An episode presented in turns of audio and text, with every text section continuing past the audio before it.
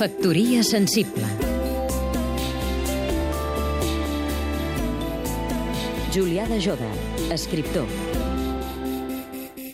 En un assaig titulat El perdedor radical, Hans Magnus Enzensberger ens diu que per la manera com s'ha acomodat la humanitat no solament augmentarà cada dia el nombre de perdedors, sinó que les distintes fraccions de frustrats i vençuts s'aniran dissociant enmig d'un procés tèrbol i caòtic.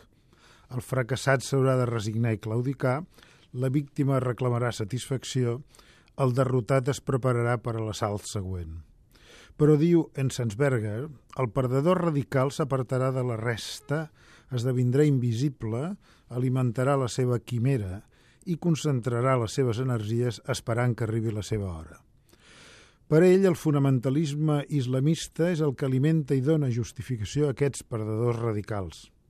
És possible que tingui raó, però després de la matança a la redacció de Charlie Hebdo no estic segur que tots plegats no en sortim perdedors perquè els ciutadans europeus no es volen adonar que s'estan resignant al fracàs, que reclamen satisfacció com si ells fossin les úniques víctimes del desordre de la globalització i que es preparen com els derrotats per a l'assalt següent sense posar en dubte la mena de batalla en què estem embolicats.